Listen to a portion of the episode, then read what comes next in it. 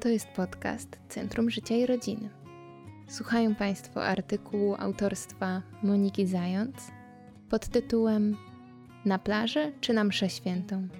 Jak podczas upału zachować styl i ubrać się godnie do kościoła.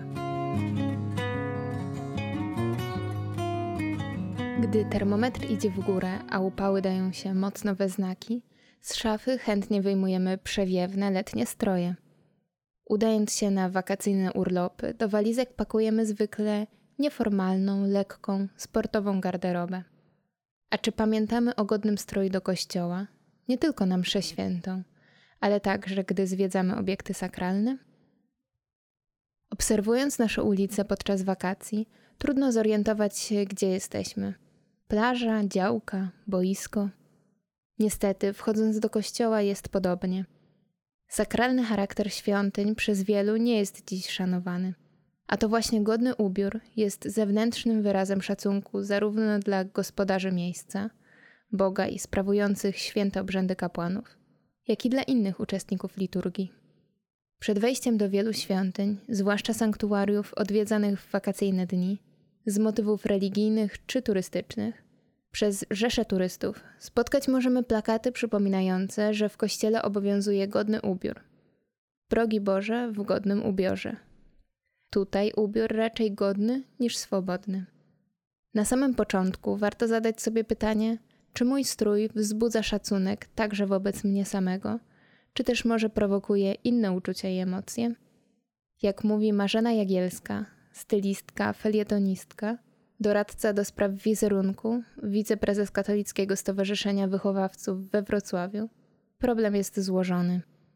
Dla mnie kluczowe w zrozumieniu, o co chodzi, były uwagi pewnego ojca karmelity, który na rekolekcjach powiedział w imieniu panów, że im przeszkadza, jeśli strój kobiety jest obcisły, jeśli widać goły brzuch, głęboki dekolt, jest krótka spódnica lub nawet długa, ale z rozcięciem sięgającym samego krocza.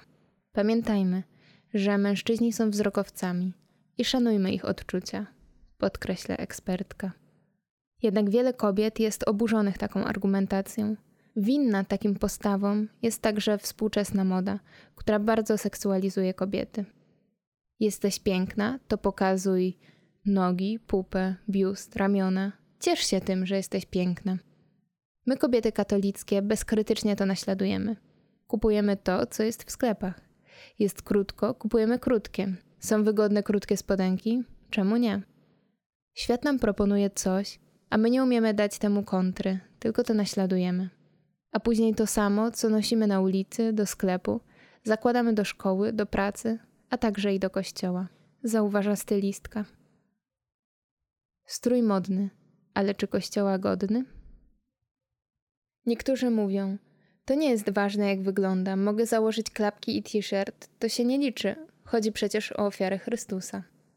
Ale gdy biznesmeni idą podpisywać umowę, to żadnemu nie przyjdzie do głowy, żeby pójść w klapkach, chociaż ta umowa będzie tak samo ważna. A zatem pewne standardy należy szanować.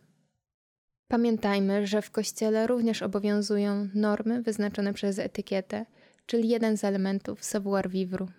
Ważne są tu dwie zasady: skromność i elegancja. Ta pierwsza mówi: okryj swoje ciało z szacunku do świętego miejsca, ale także do siebie i innych, respektując ich wrażliwość. Nie przychodzimy do kościoła, aby skupiać uwagę i wzrok na sobie. Strój nie może zatem wywoływać zgorszenia, niesmaku, ani też być wyrazem lekceważenia. Ubranie powinno zasłaniać ramiona, brzuch oraz nogi, Nasz strój w kościele świadczy także o naszej godności chrześcijańskiej.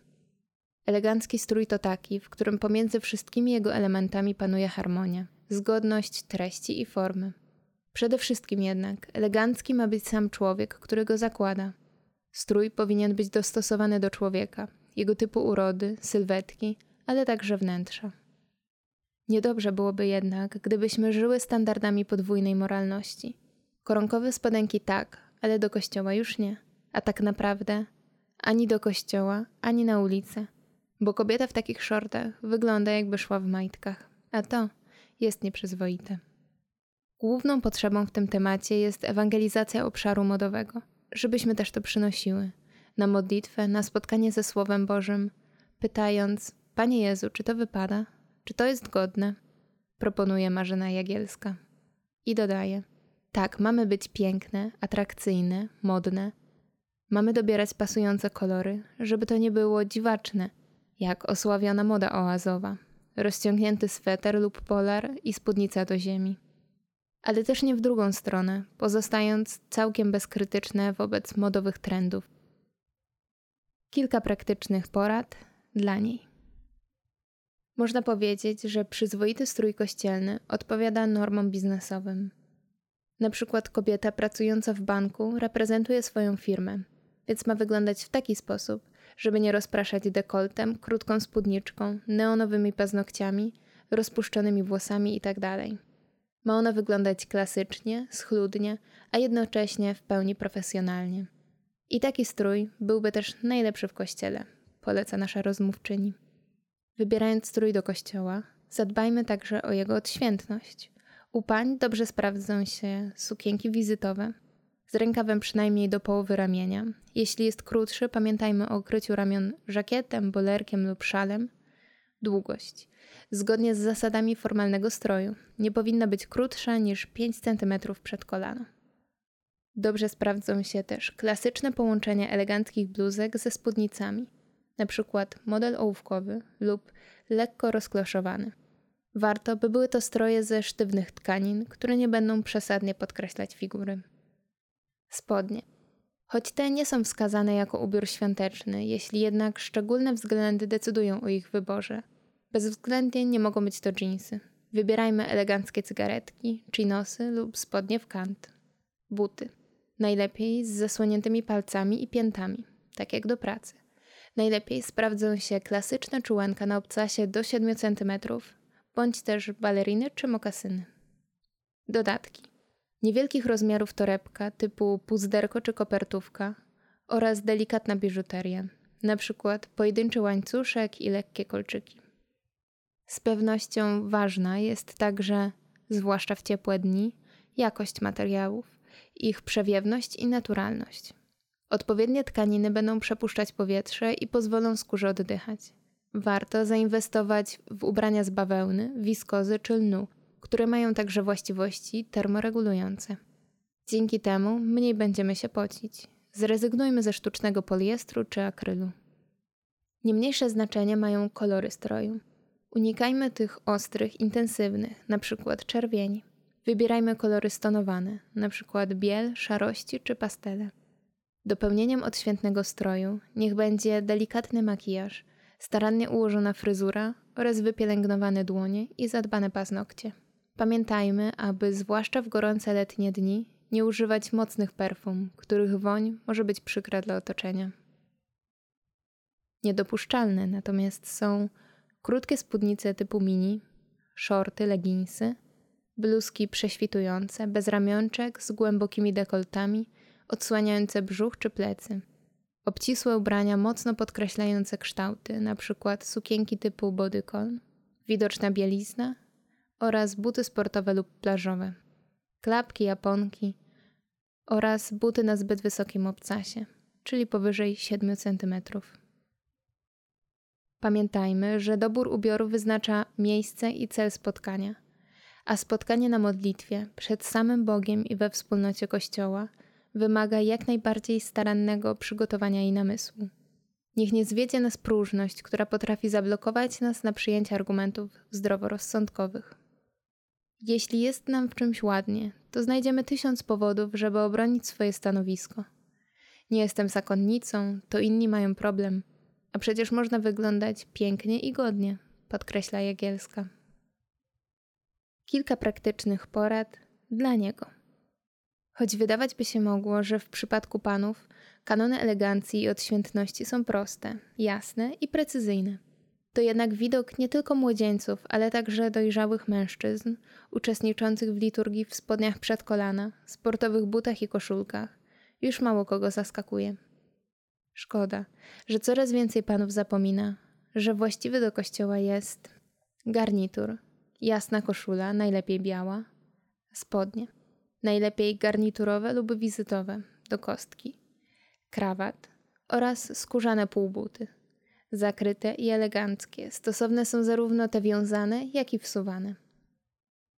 Coraz modniejsza weekendowa, casualowa swoboda niech pozostanie na inną okazję.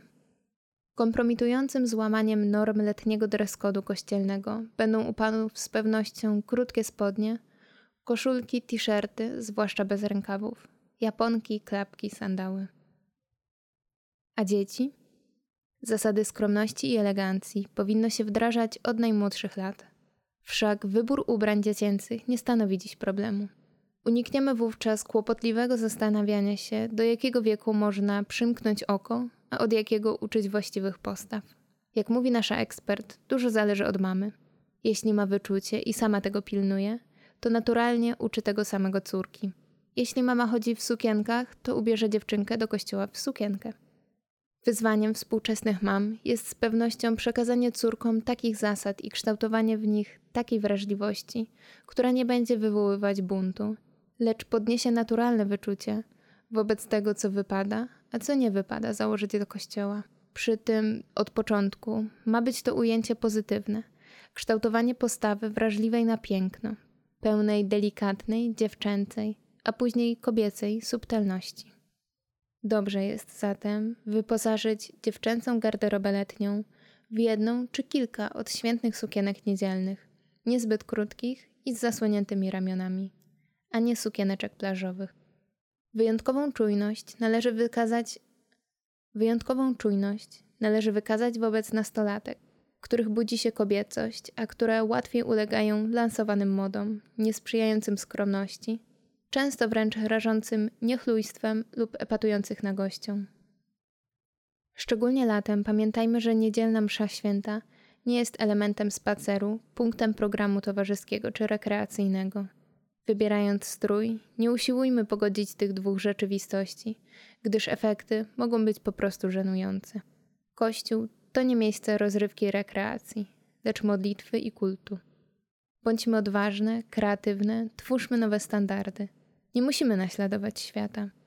Bądźmy piękne i Boże. Wyznaczajmy sobie granice i bądźmy inspiracją dla innych. Zachęca stylistka i doradca do spraw wizerunku Marzena Jagielska. Artykuł autorstwa Moniki Zając został opublikowany na portalu Marsz Info.